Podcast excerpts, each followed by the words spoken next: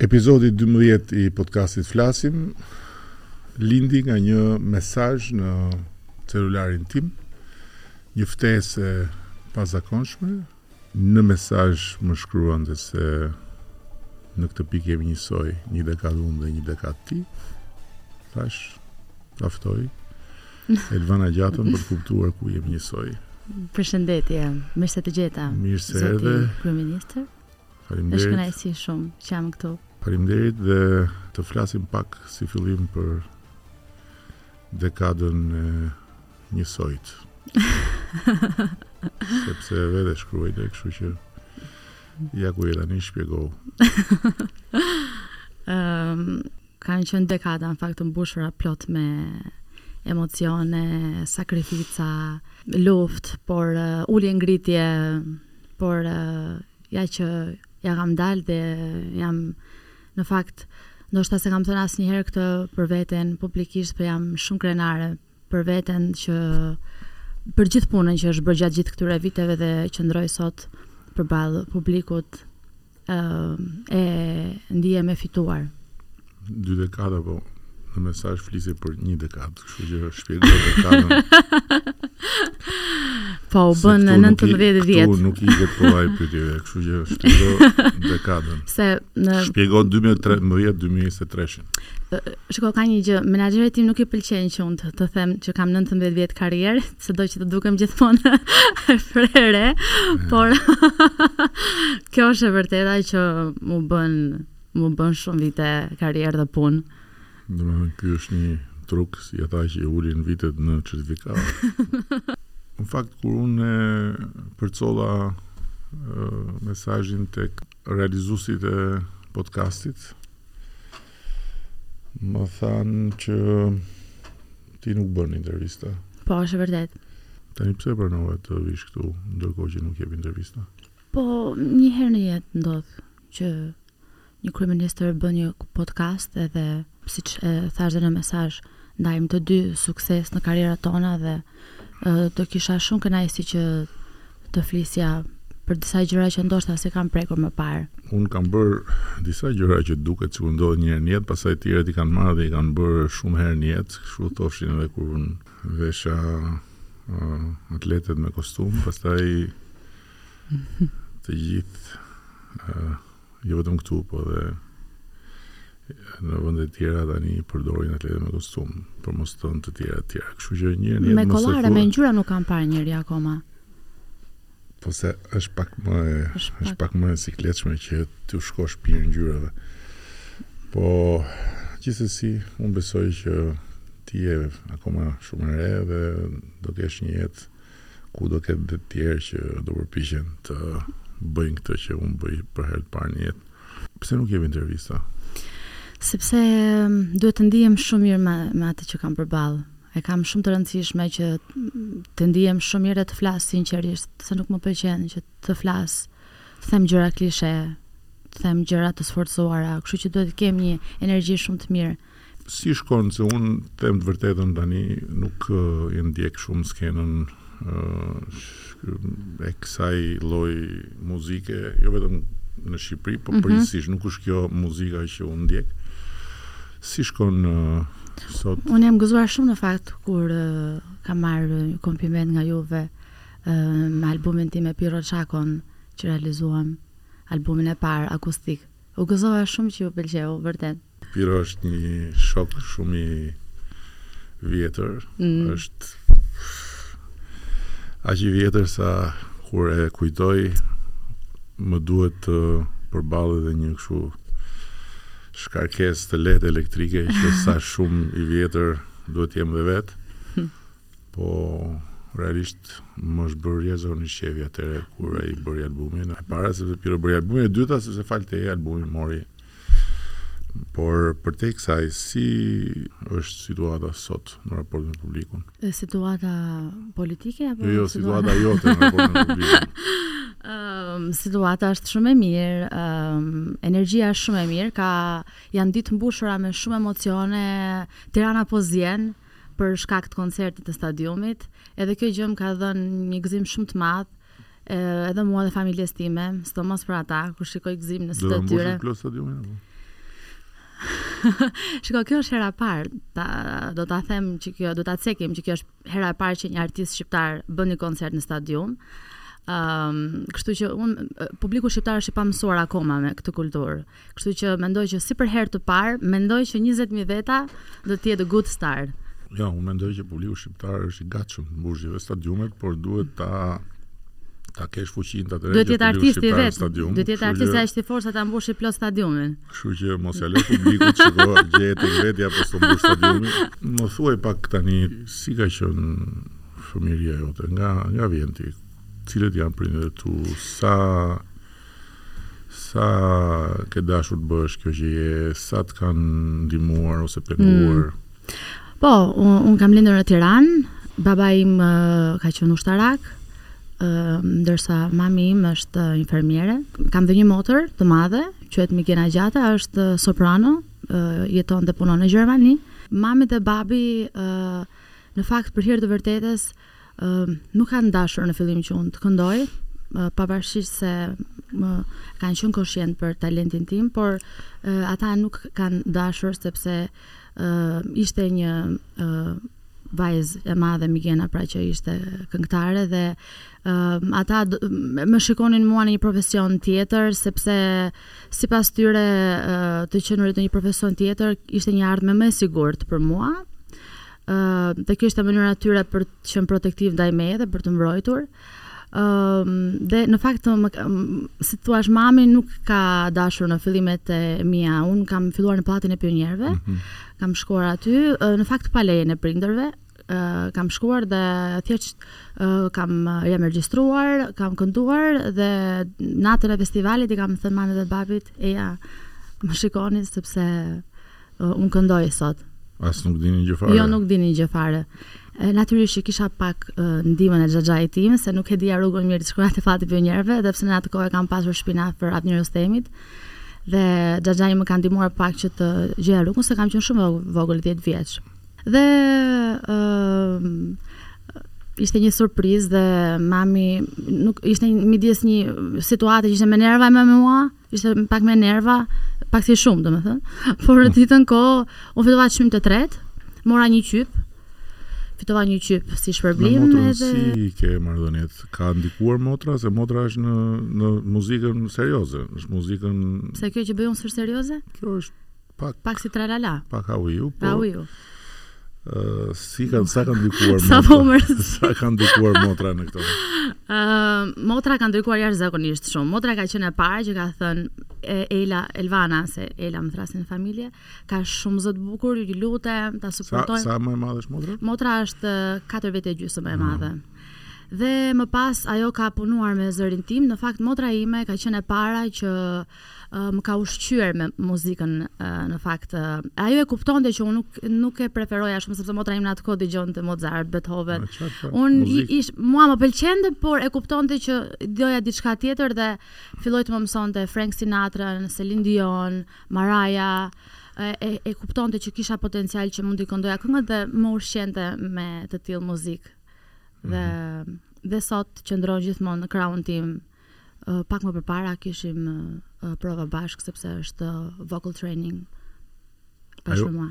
Ajo në Gjermani është aktive në në në skenë apo Po, po, mëson? absolutisht, është aktive. Pra mëson të tjerët apo është dhe vetë? I bën të dyja, ka dhe një shkollën e saj, uh mhm. -huh. është dhe punon në shfaqje të ndryshme, shfaqjen e fundit ishte në Rostock.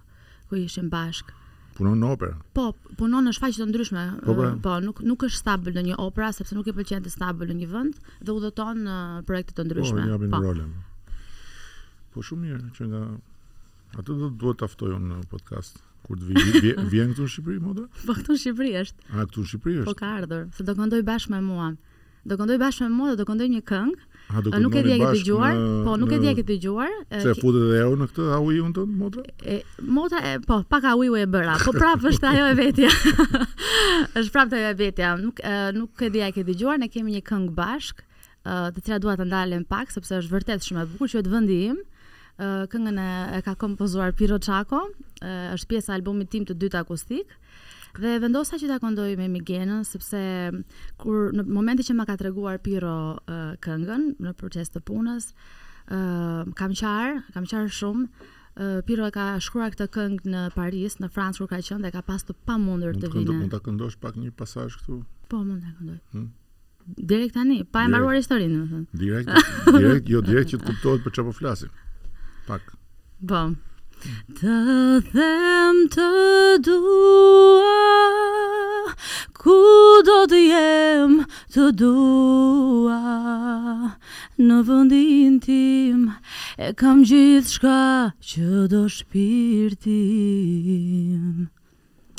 Ja kështu gjëra. Au ju. Do të kasu më zonë ti dhe. Ia jap dhe forcë vetes. Pastaj kemi qenë në një dhomë duke punuar këngën dhe më tregon Pirro këtë uh, fragment të këngës që e ka nisur ta punojë në Francë në vitin 1995 dhe në atë kohë e ka pas të pamundur të kthehet në Shqipëri. dhe kështu nisi ta shkruaj këngën sepse kishte shumë mall për vendin e tij dhe kisha një në të njëjtën në në në momentin që dëgjoja këngën kisha një mix ndjenjash ë uh, m'u kujtua motra kur unë kam përcjellur që motra ka është larguar se kemi qenë shumë të lidhura në të njëjtën uh, uh, moment më vijnë mendime rreth vendit tim që sa shumë se sa shumë mërzitem kur jam këtu dhe sa shumë edhe unë e dua kur jam jashtë sepse uh, udhëtoj shumë prej prej vitesh Dhe emocionova dhe u preka shumë edhe e, e, e më bëri që të ndjej e, se vërtet sa shumë, sa shumë më bën dhe mua të qaj dhe të qesh ky vend. Po Migena kur futet në në këngë është si soprano pak apo? Absolutisht soprano, po. Migena nuk e nuk e imiton dot ti jo. e, e vërtetë po dhe një kopje Po mund të vini Gena këtu ta këndoj jo, po me saj pasaj Sa her që dita lind Afrohem në dritare Me sy nga qielli lart Ëndërroj Mirë, okej. Si, kop, si kopje. Kalushë. Ja, ja, është brillante. Uh, kur përgatis podcastin, un uh, me ekipin këtu. Bëj edhe pak research. Dhe ndërkohë, siç e sheh ekipi është gjithë uh, rini, edhe kërkuan që unë të bëj një pytje që do donin ta bënin vetë, po ngaqë ti je shumë vip, kërkuan ta bëj unë pytjen, Me idenë që unë do përgjigjem. Me idenë që do përgjigjesh, se po, s'ke ku shkon. S'kam ku shkoj. Mm. Ja, ta shikoj. Uh, çfarë ha ti që je në superformë dhe dhe uh, që merresh me sport, merresh me yoga, merresh me pilates, këto i dinë këta që të ndjekin, po a ka ndonjë metodë të re, thonë që mund Ta ndash që të jenë në të njëjtën formë si ti. Të të them barbunjat e babit tim, s'e them dot. Po thuaj. Po. S'e di sa mund ta praktikojnë të gjithë në shtëpi. Se ky është sekreti im të ushqyerit nga babi. Babi më ndihmon dhe gatuan për mua. Ne jemi 90% vegan. Mhm. Mm Kështu që po 10% çfarë Konsiston në në pak peshk. Peshk. Po. Kurse mish të kuq? Jo. jo. Gjithë familja. Uh, unë dhe babi. Mami infermiere ha dhe mish të kuq. Mami bën përjashtime. në një farë mënyre ë uh, 19 vjet janë shumë. Po. Dhe siç thonë ti je prap në nivelin e lartë të audiencës, të ndjekshmërisë, të pritshmërisë, e të tjera e të tjera. Sipas teje, pse? Pse nuk i ke ardhur akoma në majë të hundës publikut tënd, ose ndjekësve të tu, ose admiruesve të tu? Çfarë bën ti që të jesh gjithmonë e mirëpritur ose që ata të kenë pritshmëri dhe thonë po duam akoma, duam akoma, duam akoma. Ë uh, tani pse në vërtetë ndoshta mund ta di publiku, un se çfar un di të them me siguri nga ana ime është që un gjithmonë dua të sjell të renë. Dua të sjell gjithmonë ë uh, një tingull të ri, dua të sjell një ë uh, ngjyrë të re, një ndjesi të re. Ë uh, ndoshta kjo më ka mbajtur po, Saktë, po çfarë mm. bën? Si është koha? Mendoj që është gjithçka këto. Si është koha jote midis midis uh, dy koncerteve, po themi. Një koncert sot, një koncert tjetër ose një album sot, një album tjetër pas një viti apo pas dy vjetësh. Dhe ndërkohë kjo përpjekja për të qenë gjithmonë e re, gjithmonë e papritur etj etj, si e, me çfarë ushqehet? Çfarë çfarë bën? Se Sportistët stërviten. Unë nga eksperienca ime lexoj, studioj, takoj, dëgjoj njerëz, shof çfarë bëjnë tjerët, përpiqem të nxjerr konkluzione nga ndjekja e për shembull unë ndjek edhe trajnerë futbolli, mm -hmm. ndjek jo për të parë futboll, po për të parë si ata organizojnë skuadrën, si si e e e, e motivojnë skuadrën etj etj. Ti ça bën? Unë updatohem shumë, ta themi kështu në vija të trasha. Jam me, shumë po pra si? me duke dëgjuar shumë uh, muzikë të ndryshme, duke parë uh, mendoj që jam e lindur me një intuitë shumë të mirë. që kuptoj se çfarë funksionon dhe çfarë nuk funksionon, duke dëgjuar duke ndjekur shumë rregullisht të gjitha trendet, chartet se çfarë ndodh në botë duke bashkëpunuar me artistë dhe të ndryshëm dhe botërorë, më ndihmon shumë të kuptoj shumë dhe nga botëkuptimet e tyre rreth muzikës. mendoj që unë kam një balancë shumë të mirë në muzikën time, në karrierën time dhe kjo gjë më ka ndihmuar shumë. Kam një balancë shumë të mirë sepse kam ditur gjithmonë që të të krijoj muzikë dhe të ushqej dhe brezin e ri dhe moshën time dhe një grupmoshë më të madhe. Kam dashur gjithmonë që të jem. Veten ku e fut ti midis brezit të ri dhe brezit të vjetër. Po, aty në mes jam unë, te mesi i artë. Unë jam mesi i artë. Po. Edhe kjo më ka bërë që të të kem ndjekës nga mosha 3 vjeç deri në 70 Edhe ose 80, po edhe 3 vjeç. Ku ke pasur 3 vjeçar? Po kam pasur për shembull ka ardhur një grua, në fakt kur ra tërmeti, një, një, jo, një grua, grua ishte e madhe. Ra tërmet dhe zbrita poshtë, unë isha në shtëpi. Zbrita poshtë dhe u takova me atë rast me gjithë banorët e pallatit. Dhe ishte një grua e shqetësuar, po zbrisnim shkallët të dyja, ishte me një fëmijë 3 vjeç dhe tha Elvana tha, Një sekondë se fëmija im tha është fans jot shumë i madh dhe pashë ishte fëmija 3 vjeç. Faleminderit thashë, po, e mbajta fëmijën dhe zbrita poshtë me vrap. E konfirmoi fëmija që ishte fans apo? E konfirmoi, e konfirmoi. Si? Ndaloi se qari. Ah. Se po qante nga frika dhe më pa në sy dhe ndaloi. Nuk ka një mundësi për shkak që duke qenë dhe natë, edhe ti duke duke qenë me flokë shpupurisur ta kesh trembur dhe ai të jetë bukosur. Mund të ketë qenë dhe kjo. uh, po, cilët janë, uh, po themi, ndoshta fjala idhull, mund mos shkojë, po, cilët janë idhujt e tu? Më pëlqen shumë uh, pa diskutim uh, John Legend, më pëlqen Beyoncé, është uh, momentalisht uh, performuesja më mirë në botë. Uh, më pëlqen Adele shumë.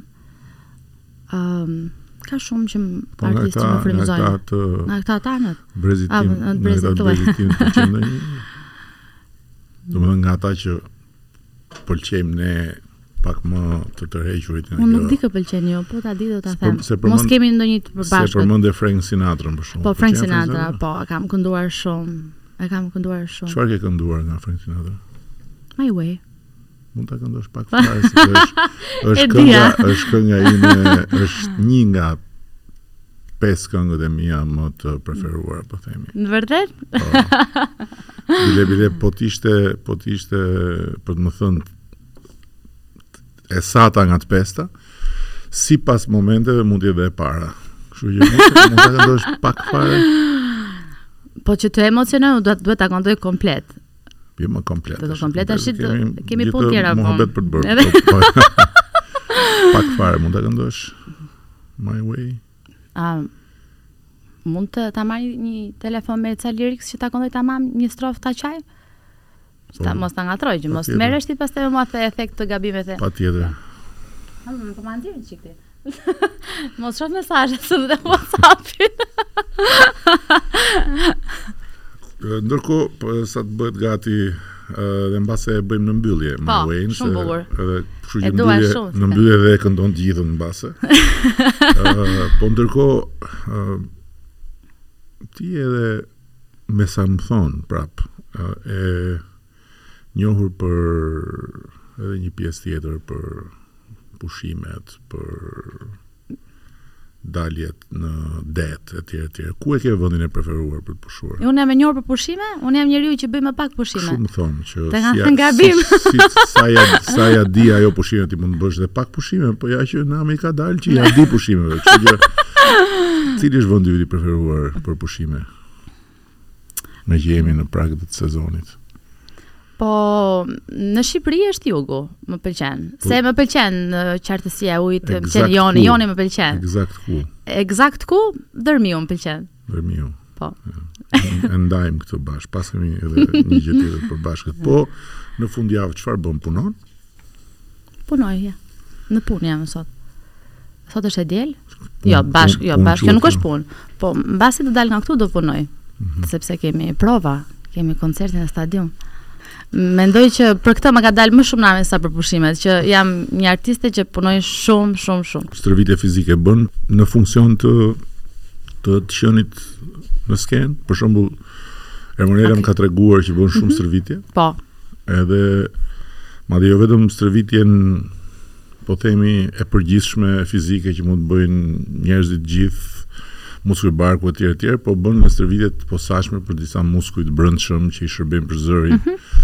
Pra bën boks a ku di unë ato historitë e saj, po Ti bën stërvitje për të qenë në formë gjatë po, gjithë kohës apo vetëm yoga, pilates për këtë pjesën e mm, I, i, i kam praktikuar patjetër dhe jogën dhe pilates, por... Pra, përtej po. të qenit në formë, mm. siç çdo njeri, që është mirë të stërvitet për të qenë në formë, bën një stërvitje speciale për t'u mbajtur në formë? Një stërvitje normale, një orë e gjysmë në ditë. A bën një orë e gjysmë në ditë? Po, po, pa diskutim. Një orë e gjysmë në ditë, një orë e gjysmë në ditë, stërvitje sportistë. Po, po, pesë herë në javë, absolutisht. Pesë herë në javë një orë e gjys. Po.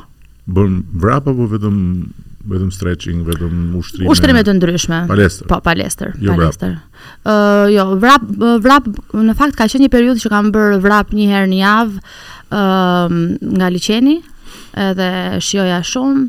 Ëm, pastaj ka qenë një periudhë që kam ecur shumë nga liqeni çdo ditë me babin, sepse babi u diagnostikua me një sëmundje zemre, e, edhe e, shkuam në Gjermani te doktori në Gjermani tha që duhet të ecësh 10 kilometra në ditë.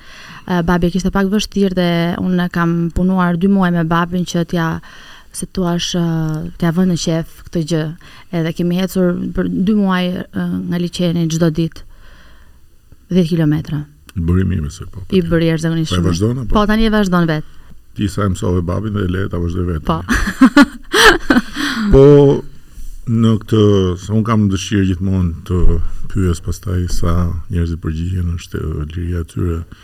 Në këtë rrugë ke pas me siguri edhe momente kur je ndjerë keq, kur je ndjerë e tradhtuar ose e zhgënjyer nga njerëz ë ose je ndjerë që në një moment caktuar nuk ke bërë më të mirën tënde. Ke pas shumë momente të tilla?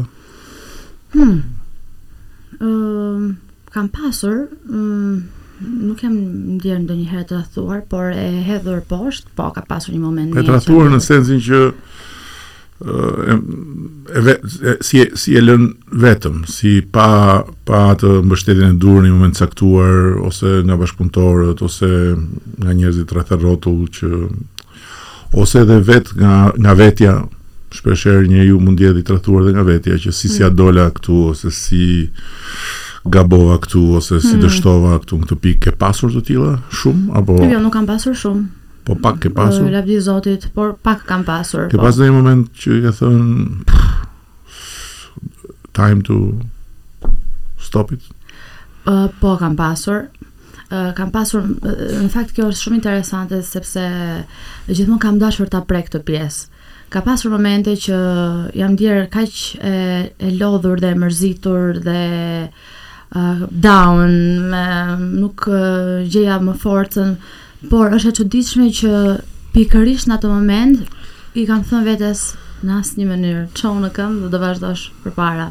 Dhe kjo është shumë e sinqertë që them. The një gjë shumë të bukur pak më parë që besoj është është tipike për të gjithë, po disa mbase edhe nuk e kuptojnë këtë gjë ose të tjerë uh, nuk e shprehin në këtë formë, por besoj që është tipike që raporti ynë me Shqipërinë uh, Është një raport që kur jemi këtu kemi gjithmonë ndjesinë se diku tjetër është më mirë, kur jemi atje mm.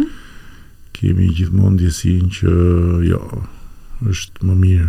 Është e vërtet. Është njerëzore në fakt. Ë, uh, por ne shqiptarët kemi pak më të theksuar. E kemi më të theksuar mm. për arsye se jemi në një fazë që ë uh, këtu nuk i kemi uh, të gjitha ato që janë atje. Mirëpo atje nuk janë absolutisht të gjitha këto që janë këtu. Është vërtet. Si e ke si e si je pajtuar me këtë me këtë ekuilibër apo thjesht duke duke pasur mundësinë që të jesh edhe këtu dhe atje edhe ke pas ndonjë tundim që të ikësh edhe mos mos ta kesh këtu bazën? Ëh, uh, kur kam qenë uh, um, 21 vjeç, Po, nuk kam pasur tundimin në fakt, po në atë kohë motra ime ishte në Gjermani dhe kishte parë një shkollë musical që unë të shkoja dhe të vazhdoja atje dhe të ndërtoja një të ardhme jashtë.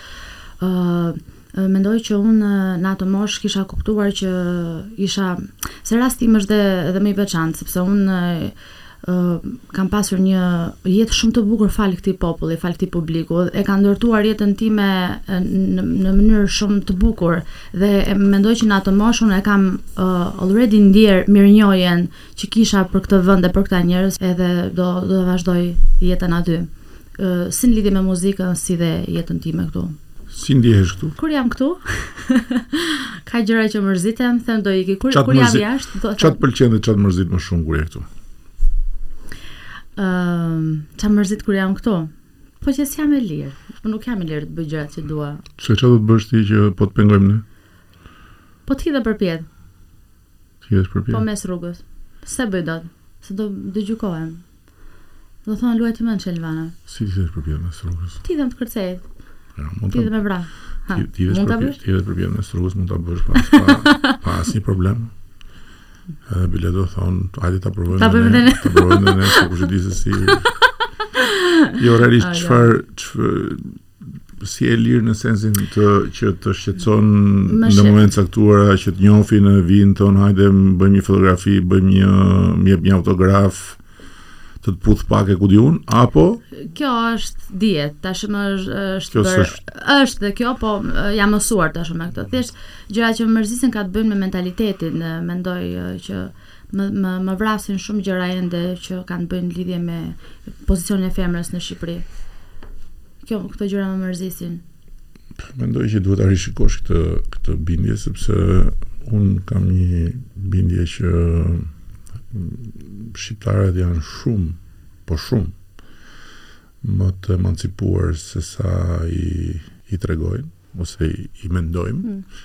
në sensin që tek tjetri e pranojnë, e pranojnë tjetrin. Nuk mund të jenë, mund të ketë një pjesë që janë konservatorë dhe janë uh, rigjidë brenda për brenda shtëpisë me vajzën e tyre, po themi, mm. ose dhe gruan e tyre. Por uh, tek tjetri Tek tjetra, nuk mendoj që shqiptarët kanë një problem të pranimit të lirisë tjetrit. Ajo që që që e bën të ngatruar shpesh ose gjithmonë është ajo e shqiptarëve që kanë zë, atyre që kanë mikrofon, atyre që kanë një penë në dorë që shkruajnë ose atyre që shprehen në rrjetet sociale që mund të krijojnë idenë, sikur ashtu është e gjithë shoqëria, po s'është e vërtetë.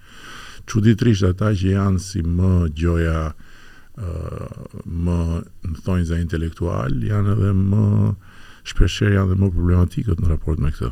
Hmm. Janë edhe abuzuesit më të mëdhenj me tjetrin, janë paragjykuesit më të mëdhenj, janë akuzues dhe dhe fabrikues që i, i ngjeshin tjetrit gjëra që tjetrit as i kanë shkuar nëpër mend. Mm. Por në nivelin e shoqërisë nuk mendoj që duhet ta kesh këtë shqetësim se shoqëria është shumë më, më pranuese. Nuk e kanë shqiptarët këtë problem. Unë gjithmonë kam besuar që shqiptarët nuk e kanë këtë problem. Janë shumë më janë shumë më pranues. Eh, eksperienca ime si artiste në fakt më ka bërë që të kuptoj ë jo totalisht atë që thua se ka paragjykimi ekziston gjithë kohën ë dhe Po çfarë paragjykimi kanë për ty për shkak? Jo, jo për mua si po, Elvan, flas në përgjithësi artistët janë S'është vërtet. Thjesht me të po pse? Po janë më kollaj të paragjykuar. Po nga nisësh, nisesh nga ca hajvanë që shkruajnë në Facebook. Po ata ata janë janë në hall. janë në hall shumë të madh ata njerëz që shkruajnë në Facebook edhe që merren me nxjerrjen e mllefeve ndaj të tjerëve, edhe ndaj vajzave apo ndaj artistëve. Uh, janë në hall të madh. Uh, gjyshja ime thoshte Inati është e zeza e atij që e ka. Gjynaf thoshte. Kështu që nuk janë ata, nuk është ajo shoqëria. Nuk janë. Fakti që ti mbush një stadium, uroj ta mbushësh, po do ta mbushësh, besoj, me 20.000 veta, është boll tregues, nuk, nuk kanë asnjë problem. Mendoj unë. Mendoj unë. Po momenti më i bukur atëherë, me që mm. momentin më të keq. Po ja, për jo, shembull, jo, kjo jo, pjesa... Jo, bukur, për çfarë nuk të pëlqen, me të të çfarë nuk të pëlqen nga Shqipëria nuk ma mbushe mendjen, domethënë që që jesh dhe më vjen mirë që s'ma mbushe mendjen, mm. se domethënë që s'ka asnjë gjë mm. thelbësisht problematike për mos u pëlqyer, po ça të pëlqen më shumë në Shqipëri. Çfarë më pëlqen më shumë? Po në rastin e stadiumit për shembull, ë në rastin e Më pëlqen stadiumi, po stadiumi është është kryevepër. Stadiumi është vërtet kryevepër. Po. Edhe ajo që un kam krenari është që edhe me kolegët e mi të huaj jam shumë e gëzuar që ka ardhur dita që të them që po bëj koncert në stadium në Shqipëri, sepse Përveç se kemi ndjekur të vegjël nga ekrani koncerte në stadium të artistëve të mëdhenj, përveç se kam qenë kam ndjekur live nëpër stadiume artistë të mëdhenj, Coldplay ishte i fundit, rasti i fundit në Paris. Edhe e shikoja dhe më mbushej shpirti edhe mendoja që do ta bëj dhe unë këtë gjë. Erdhi erdhi kjo ditë, jam dëshmitare që erdhi kjo ditë që unë do të kem një koncert në stadium në Shqipëri. Dhe kjo është e jashtëzakonshme në fakt, realisht. Mendoj që kjo është jo vetëm e një gjë shumë e mirë për ne. Unë jam i bindur që do hapësh një rrugë edhe për të tjerë, sepse edhe të tjerë kanë për të bërë, jam i bindur edhe Patjetër. Edhe kjo është një gjë shumë e mirë edhe për Është dhe shumë sfiduese. Edhe për vetë stadiumin, sepse Është dhe shumë sfiduese. Kur ne kemi projektuar stadiumin, mm. projektuesit thoshin që Ah, dhe edhe një gjë tjetër se është shumë interesant. Mm. Kur kemi bër finalen e, e Conference Ligës, ata që ishin këtu nga nga UEFA ishin shumë të se ata shkojnë kanë parë nuk e di sa ndeshje mund të kem parë një të tyre sa shohin ishin shumë të të çuditur nga akustika. Ëh, Se thoshin ka një akustikë shumë të çuditshme sepse nuk është nuk është zhurma si për njëzet mijë veta. Dhe në fakt, projektuesit italianë për akustikën kanë marrë një grup teknikësh që punojnë me teatro dhe me opera. Dhe akustika e stadiumit tonë është e tillë që kur njëzet mijë veta, njëzet e dy mijë më duket se është shifra ekzakte, bërtasin mhm. fort, zhurma që bëhet është e barabartë me zhurmën që bën një stadium 60 mijësh. Hmm. Yes. Uh, dhe uh, në këtë në këtë në këtë aspekt është një vend sepse ata thoshin që do duhet për koncerte. Kur thoshin do duhet për koncerte, unë gjithmonë kisha Kisha këtë pyetje me vete, më kur do vijë dita që stadiumi do përdoret për koncerte realisht? Sepse faktikisht kemi shumë të varfër traditën në këtë drejtim. Edhe kjo është një gjë e mirë që kjo po ndodh me artist shqiptar. Po është vërtet, po është dhe sfiduese se un ka dhe risjet e veta, sa është po është hera po. parë që sfidat më pëlqejnë po, mua dhe po risjet janë, po risjet janë të tua tani, është halli jot mbaje vetë, është mbahet halli të tua. Kam marrë përsipër se më pëlqen, më pëlqen. Më pëlqen.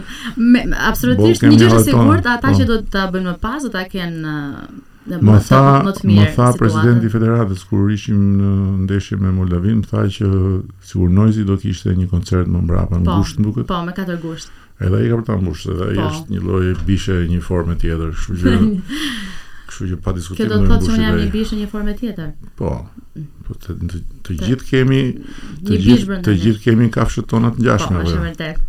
Ë, kështu që jam gëzohem shumë edhe për Noizin, edhe aty do të këndoj në fakt te koncerti i Noizit. Edhe ai do të vijë te koncerti im si guest. Sa guest ke në këtë koncert? Ë, do të jenë diku miqtë e mi gjatë karrierës. Po, sa janë ta? Diku te 8.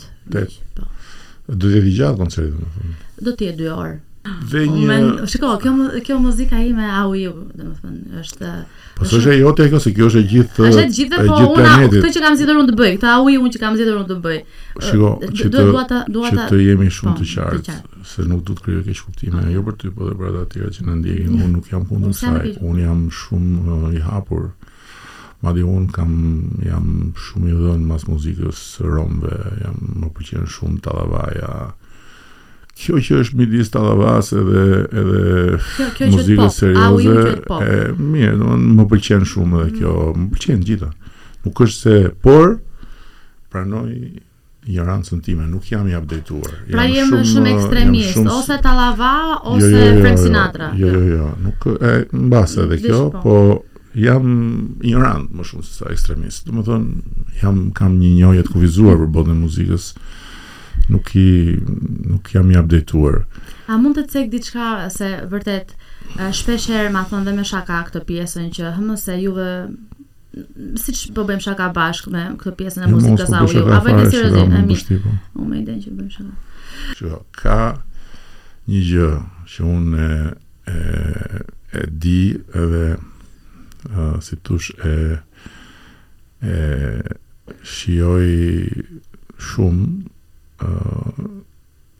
kur arti bashkëkohor nuk plaket kurrë, sepse zakonisht arti bashkëkohor ose gjërat që bëjmë sot mbas një periudhe të caktuar plaket. Dhe një dhe shumë nga prodhimi i të gjitha kohërave mbetet prodhimi i asaj kohe. Ka një prodhim specifik në të gjitha zhanret, në të gjitha fushat që nuk ka kurrë moshë. Për shembull, unë mendoj që Freddie Mercury dhe Queen nuk kanë moshë në disa nga këngët e tyre, disa nga këngët e tyre s'kanë moshë. Apo jo.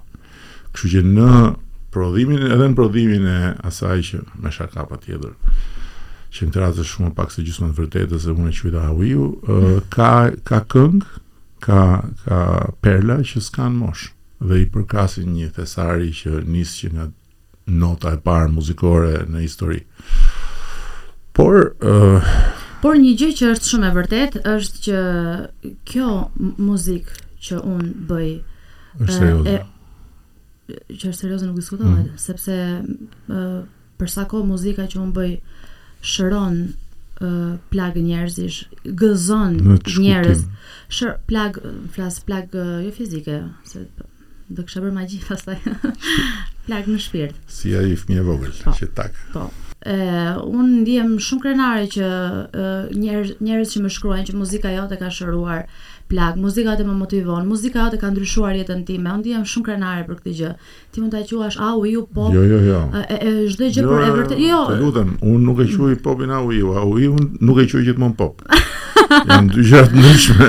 Ëh, po, un un un në fakt i kam bërë të gjitha, ëh, kam prekur shumë shumë sfera të të të muzikës, kam prekur gjininë rock, baladën, baladën e dua shumë në fakt, është një ndër ato që ëh hyjnë tek më të veçantat. Do të të them, do të pyes pak edhe tani që po i shkojmë drejt fundit sepse është me rëndësi, është me shumë rëndësi që